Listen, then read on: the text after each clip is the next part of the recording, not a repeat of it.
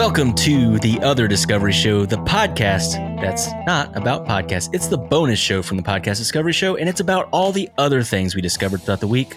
I'm Kirk. And I am Zach. And I discovered this week part of why the grapefruit is so weird. Because it's one of those things where, okay, first question Do you like grapefruit?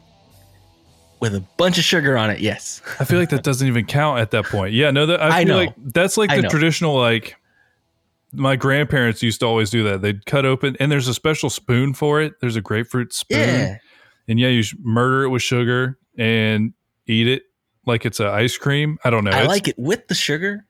Yeah, it's like, very it's very lot. bitter without. Honestly, it's very By bitter. itself, ooh, no, thank you. But yeah, uh, Atlas Obscura had a cool article about grapefruit, and I learned tons of stuff. So, and a lot of people also know, but if you don't, it has weird side effects on certain medications. Like if you're on certain medications, you cannot eat grapefruit, at, like at all. It's like no grapefruit for you. You're on heart medicine or something. So that's weird. But then basically, it just kind of gets weirder. So it, it's it's just wild. So it starts out with kind of explaining where all citrus comes from because pretty much all of it came from Asia. All of the versions of our well, most versions of current citrus came from Asia originally. So, and I mean, literally, it's saying five or six million years ago, one parent of all citrus varieties splintered into separate species, probably due in some to some change in climate. So, three citrus fr- fruits started: the citron, the the pomelo, and the mandarin. And so, It's pomelo. pomelo. I'm just kidding. I don't. Is it pomelo? That's the way my dad always said it, but he was know. probably wrong. I was just I, I have no clue. I've heard pomelo, but I don't. I don't know. Um, but basically, it just went all over the place. There was some weird ones. There was one. There's apparently a caviar-like Australian finger lime, which I Yeah, I've never seen heard 'em. of.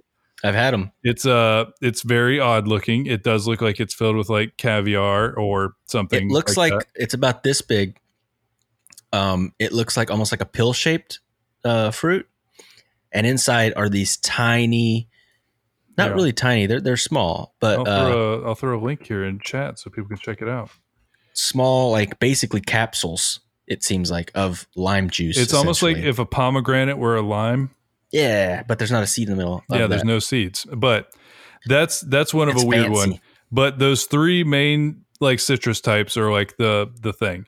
Um, but pretty much all of that was crossbreeding between those. So like mix pomelos with certain mandarins, and you get sour orange. Cross that sour orange with a citron, and you get a lemon.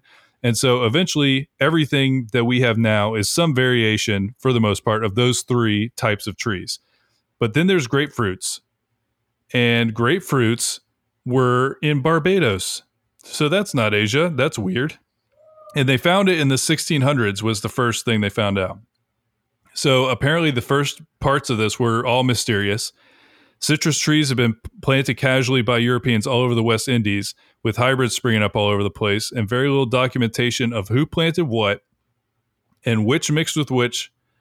So there's no real way to be able to track all this, but it naturally hybridizes when you have two varieties near each other. So essentially, there's a Hmm. chance that it just randomly happened. But sometimes, even when they're trying, it doesn't work. So then, then you get to like uh, it's weird that they didn't even at the time they didn't even use the word grapefruit. Um, the 1830s was the first time the word grapefruit was even used. So that's like 200 years before what they think might have been a grapefruit was seen. So all of this is just like to say they don't really know how this all even started. So before that, it was probably known as the shaddock, but, they said that's confusing because the shaddock was also what they used to call the pomelo, but there was some other person like it's all over the place, and then essentially it just kind of went from there. So there was a lot of people talking about him from Barbados and then all of those things. And then basically they called him a golden orange. They called him a forbidden fruit tree. And when they were talking about the forbidden fruit tree, I'm it- pretty sure that the forbidden fruit in the Garden of Eden wasn't a freaking grapefruit. There's no telling. I've uh, okay. That's a question for you. It doesn't actually say apple. It just says it took the forbidden fruit from a tree. Yeah. I feel like it was always like an apple. Like when they like what it is like in drawings of it. stuff. Yeah. maybe it was a grapefruit. Jesus probably wasn't like a white dude with long flowy hair that looked like a hippie either. I mean, I feel like that's fair to say. Yeah, I don't think he was. But honestly, like to be kicked out of the Garden of Eden for a grapefruit seems suspect. That's my only reason that, That I think it probably agree. wasn't. It's the only reason I think it wasn't a grapefruit is because that is totally not worth. And you wouldn't trick both of them with a grapefruit. Somebody would try it, and so just one would have gotten booted. Yeah. They would be like, "No, don't, it's not worth. Don't worry about it." He'd be like, man, we should have listened. This thing's gross. Unless we find sugar. Once we find a way to refine sugar, then I'll eat this. But Yeah. right now, Right no now, way. not for me. That could stay there. um, but then you get to the name grapefruit. Like, why grapefruit? And they say that it probably comes from the fact that grapefruits grow in bunches like grapes. But there's a Hmm. decent chance that's not true. In 1664, a Dutch physician named Wouter Schuden visited Barbados then. and described the citrus he sampled there is tasting like unripe grapes. In 1814, a British plantation and slave owner said that it was on account of its resembler, resembler, resemblance and flavor to the grape. And it's like, what type of grapes are you guys eating? Right. How I mean, bitter like- are these grapes? I've eaten lots of grapes. I've eaten muscadines, all, all like a lot of different types of grapes. Some Oh. that aren't super sweet, but Yeah, no, but if you're if and literally the next part of the article, if you're thinking about that grapefruit doesn't taste anything like grapes, you're not wrong. It's also documented that there were no vine grapes in Barbados at 1698. That means, according to one theory, that many of the people on the island would not really have known what grapes tasted like. so they guessed, and they're like, "Oh, the, is this grapes?" And then they just went with it. So there's that, and it's just ridiculous. I but love yeah, how we named stuff. It it's just winging it, time, right? It just it's just eh grapefruit. It's and here, he- uh, let's bring it. Let's bring it to Florida. A Frenchman named Odet Philippe is generally credited with bringing the grapefruit to the American mainland in the 1820s. He was the first permanent European settler in Pinellas County, Florida, where modern day St. Pete lies. heck yeah. So yeah, uh, apparently it was tough for him because the swamp and apparently the natives did not want him here. But it was his favorite citrus, and he planted huge plantations of it and started spreading around. So Florida man brought grapefruit to everyone.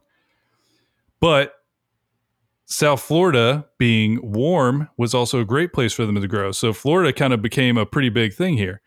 And so it essentially just it took off here. I'm not exactly I feel like it was an old-timey thing where it became very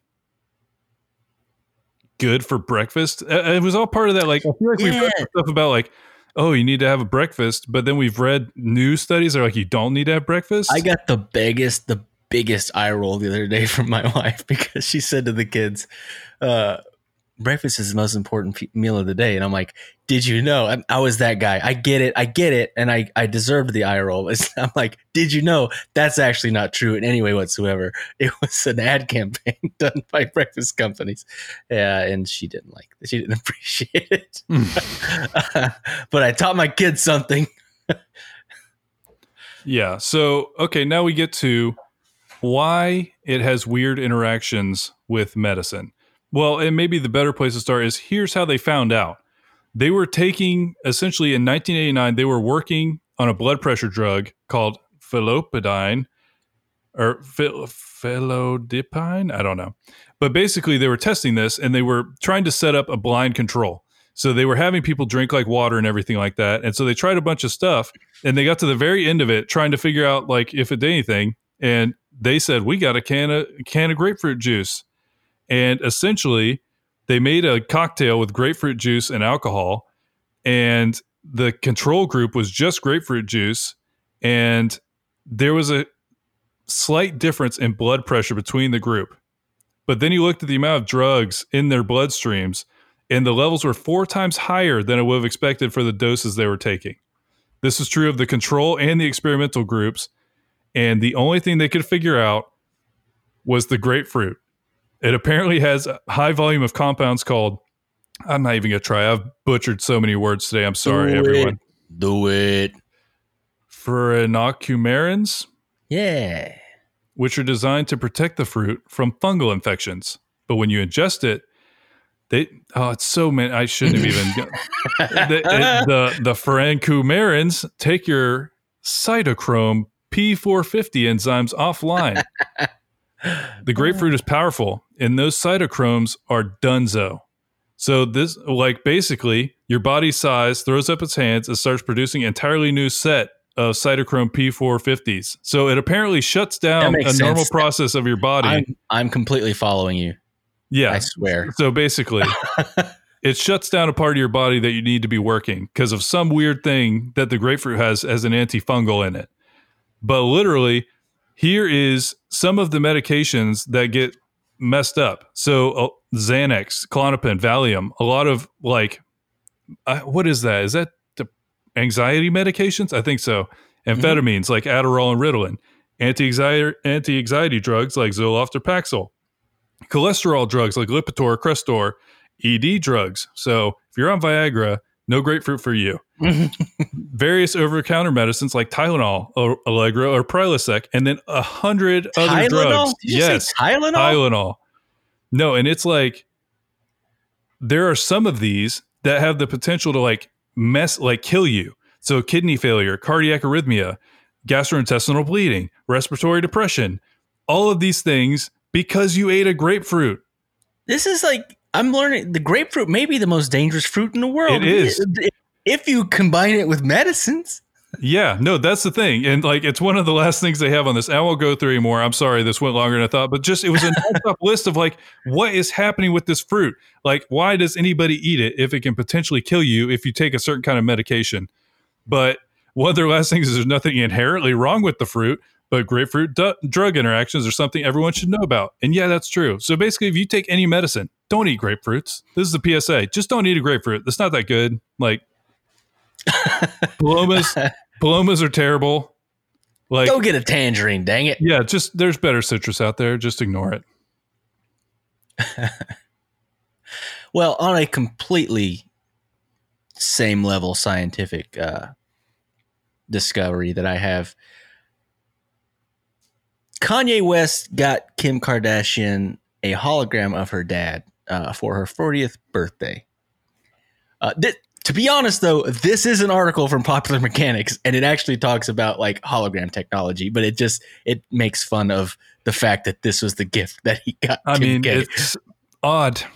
it looks disturbing and creepy and scary and i don't like it i don't like it at all um so it's it's i don't know it, it's crazy but uh he, he had he had her dad say i am so proud of the woman that you've become kimberly and all that you've accomplished. Oh, they like all of your hand all of your not handwork uh, uh, all of your hard work and all of the businesses that you've built are incredible. But most impressive is your commitment to become a lawyer and carry on my legacy. I didn't know she was going to law school she's going to law school right now. i don't know i don't know it, that's what her dad said I haven't been keeping up with the I Kardashians. I have not been keeping up with the Kardashians either. Um, but yeah, uh, there's video of it, and it's unsettling, uh, to say the least. But they do talk a little bit about like hologram technology stuff, and I didn't know that that one that they did for um, Tupac, like what was that at Coachella? yeah, it was uh, Coachella a while ago now. which it what it did look cool. I mean, it looked real-ish. Uh, that thing cost ten million dollars, and it was, four It was minutes. not worth that, I'd say. it was four minutes at a concert, and it was ten million dollars. Um, That uh, it's that's too much. plenty of the other dead celebrities have joined Robert Kardashian and Shakur in coming to life in recent years. There was a Michael Jackson hologram who played the 2014 Billboard Music Awards. I remember seeing that one. A controversial Prince hologram who stole the halftime show at the 2018 Super Bowl. I don't know if I remember that. I, I think I saw see- it, but I don't remember it. I don't know if I saw that, but that seems when did Prince die? Was that the same year? I don't know. Like, because that's a little too. I remember when he was. I remember when he did the Super Bowl. Was it? Yeah, no, that was legendary. That wasn't. A, that wasn't a hologram though. No, that was, Prince actually did the Super Bowl. With his penis point. guitar. It was great. It was phallic. It was phallic. no, it, no, but that wasn't a hologram. That was Prince. No, that was him. Yeah. Anyway, and even an Amy Amy Winehouse wine mm, mm, issue that one. Even an Amy Winehouse hologram. That's a project that is underway right now. That's Hmm. going to be part Broadway production, part concert. Uh, What? I don't know. It's it's an interesting article. The thing least, is, there's- about. I, I will say this: it, it it's exciting to me because it reminds me of like Star Wars stuff, and I think that's awesome. I think that Um, holographs are awesome or holograms. What do they call them? I don't know. Hologram. But I think it gets into that same issue that like I think it was Star Wars and Disney was getting into. People are having to start write in their contracts when they're a movie star that you can't use them after they're dead. Because literally Star Wars did that with a couple people. They like CGI rendered people that are dead. And so it gets into this weird I didn't Ethical I actually world. Didn't think about that about the ethics of that because yeah. who's getting paid for that? yeah, not I did them. not think They're of that dead. before. Hmm. And like that's also why people freaked out about Tupac is because they essentially just use like Tupac's image to do like this weird publicity stunt thing at Coachella. And it's like kind of a weird thing to just take somebody's like artwork and their literally their live performance, their appearance, and just like replicate it Yeah, I don't know. now without you consent. now it feels icky. No, but what I'm thinking of is in the future Yeah, no like voice calls with Darth Vader. yeah, yeah, Yeah. you know, I know exactly what you're talking about. yeah, you know, we can call each other in hologram form. It'd be so cool. No, we or we, just- could like send a message in a hologram. It'd be awesome. Yeah, it'd be like Skype, but it'd look better. And so I- like, there'd be like a person is- in the room. My dad lives somewhere where I can't go visit him right now. And so the only thing we can do is FaceTime. And it is funny because he has Alzheimer's. So every time he sees me on the phone, it kind of blows his mind. And he gets excited every time because he's like, oh, this is so cool. I can see him and talk to him real time. Because you Yeah. know, that wasn't something you could do before. Um, That so, wasn't yeah, something we could do in high school. That's what I'm saying. Literally, this was almost something you couldn't do before he went in there. Yeah. Like it, it was around, but it wasn't as prevalent and easy as now. Yeah. No, and so that's the thing. It's essentially one of those it's all over the place because I think there's cool stuff that you can do with holograms, but at the same time, will it get squirrely? Yes. So today, literally this article came out on Wired. We have spent 20 years in orbit on the ISS today.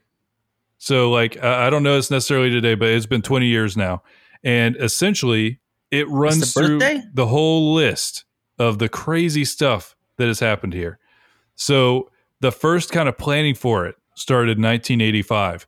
They're running experiments on how to do life support on low Earth orbit. You know, they, this is 1985. 85. Wow. And, and there took it took a lot of planning because essentially we're talking about a permanent, semi-permanent space station that's in orbit. So like that seems like kind of normal now because it's been happening for 20 years. Human humans have been living in space for 20 years now because of the ISS. There's constantly been at least one person there. So essentially they started in 85 trying to plan out you start with the basic things of like life support and how to make sure that people are okay and how to figure out how to make it modular so that you can always be adding new cool stuff to it. Um, yeah, we need to we need to study this. Like I just now re- I've always been fascinated by the ISS, but I don't know a lot about it.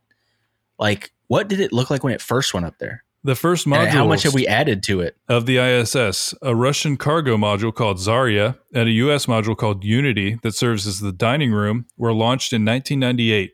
So we're talking that's what 13 years from when they We first 10 years started. Yeah, they first started planning this stuff and then 98 they launched the first thing.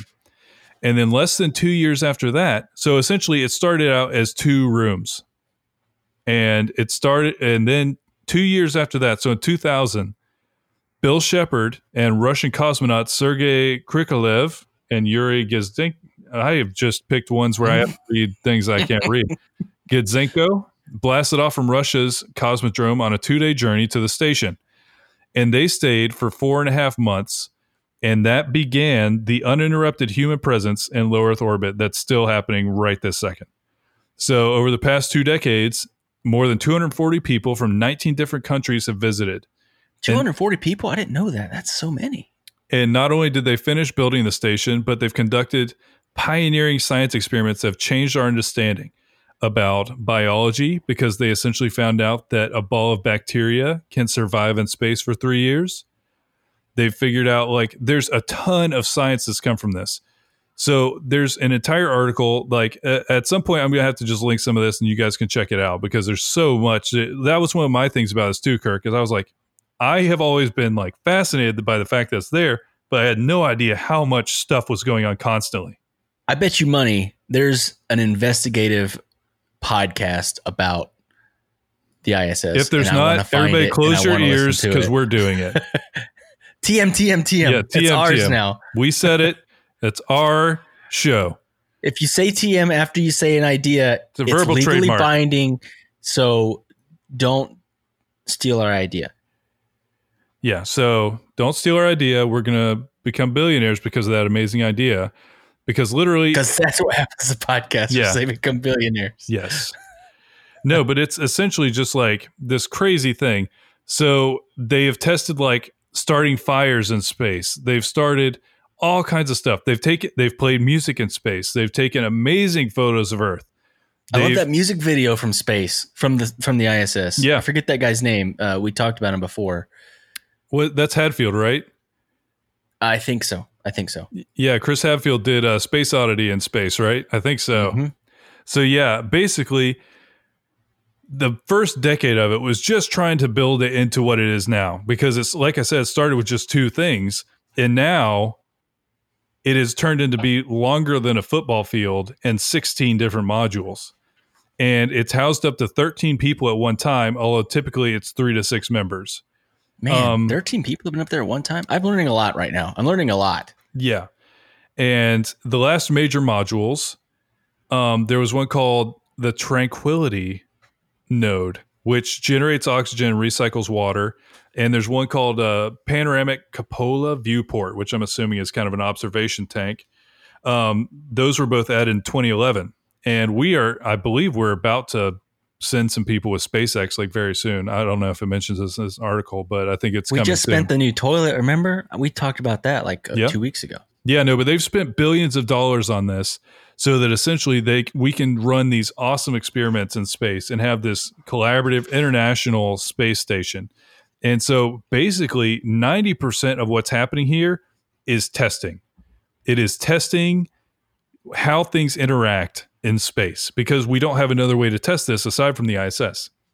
So basically, they send up supplies for people, but then they also send experiments. So they grow things up there, like they've grown barley for beer. They've created fireballs. They've uh they've messed around a little bit with manufacturing because they've made space beer. Yeah, they've they've messed That's around awesome. with manufacturing because there's some fragile type of glass that could really improve the performance of undersea cables but it's so fragile that being in no gravity situation is even better for it.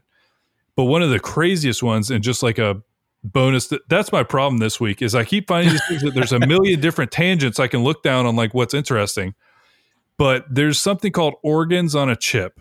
So the organs point of this is to eventually eradicate animal testing and expedite drug discovery because they use 3D cell tissue models called organoids, and they are able to test these things on that instead of on anything that's alive. So it really comes into like we could be really pushing medicines and things further, yeah. faster, and more ethically by not having to use anything that's alive to test.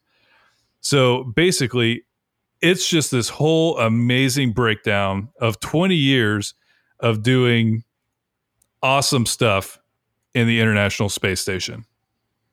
Okay, so our job we got to we've got to discover a podcast that breaks down the history and the stories of the ISS. It probably there is has to be. out there. I bet you there's to be one out there. There has to be.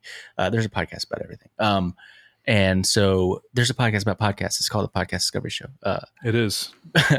but no, we we've got to find it. That's our mission now. My mission now is to find a podcast about the ISS, and I'm excited because we Yeah. are going to find it. No, I think it's going to be fascinating because all they're doing up there is experiments. because now I want to learn more about this thing. All right. So, my last discovery for the week is they just rediscovered a rare blue bee that has lived in Florida and was only recently discovered in the first place. Um, God, this article starts with insect researchers are buzzing Hmm. in Florida this week over the rediscovery of the like blue that? bee. A rare, a, a rare little creature thought to have gone extinct shortly after it was discovered. So it was discovered in 2011, and then they didn't see one at all after 2016. Hmm. So they thought they were just gone. Um, it's a calamintha bee, uh, but it's been spotted for the first time since 2016, and it lives in. Uh, let's see where it was. It lives basically near the beach. This bee is a hyper local species that likely evolved around an isolated patch of sand dunes along the central Florida ridge, according to Jaret Daniels. Um, they hope to figure out exactly how many of the bees live in the area. So basically, it lives near the sand dunes and it specifically eats like a, a specific plant that is also endangered and slowly being like eradicated from the environment. So that's kind of what their issue is is they don't it's almost like the panda. Isn't it isn't the panda the one that only eats uh Bamboo. bamboo and that's like it? Yeah.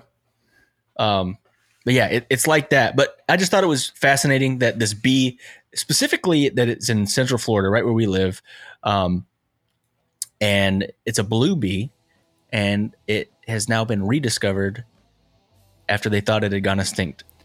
I feel like there's been a lot of that. That's one of the uh, the silver linings to what is 2020 is there's been a lot of animal species that when everybody had to stay inside emerged.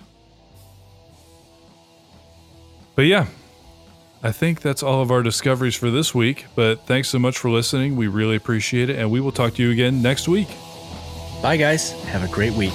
Talk to you soon.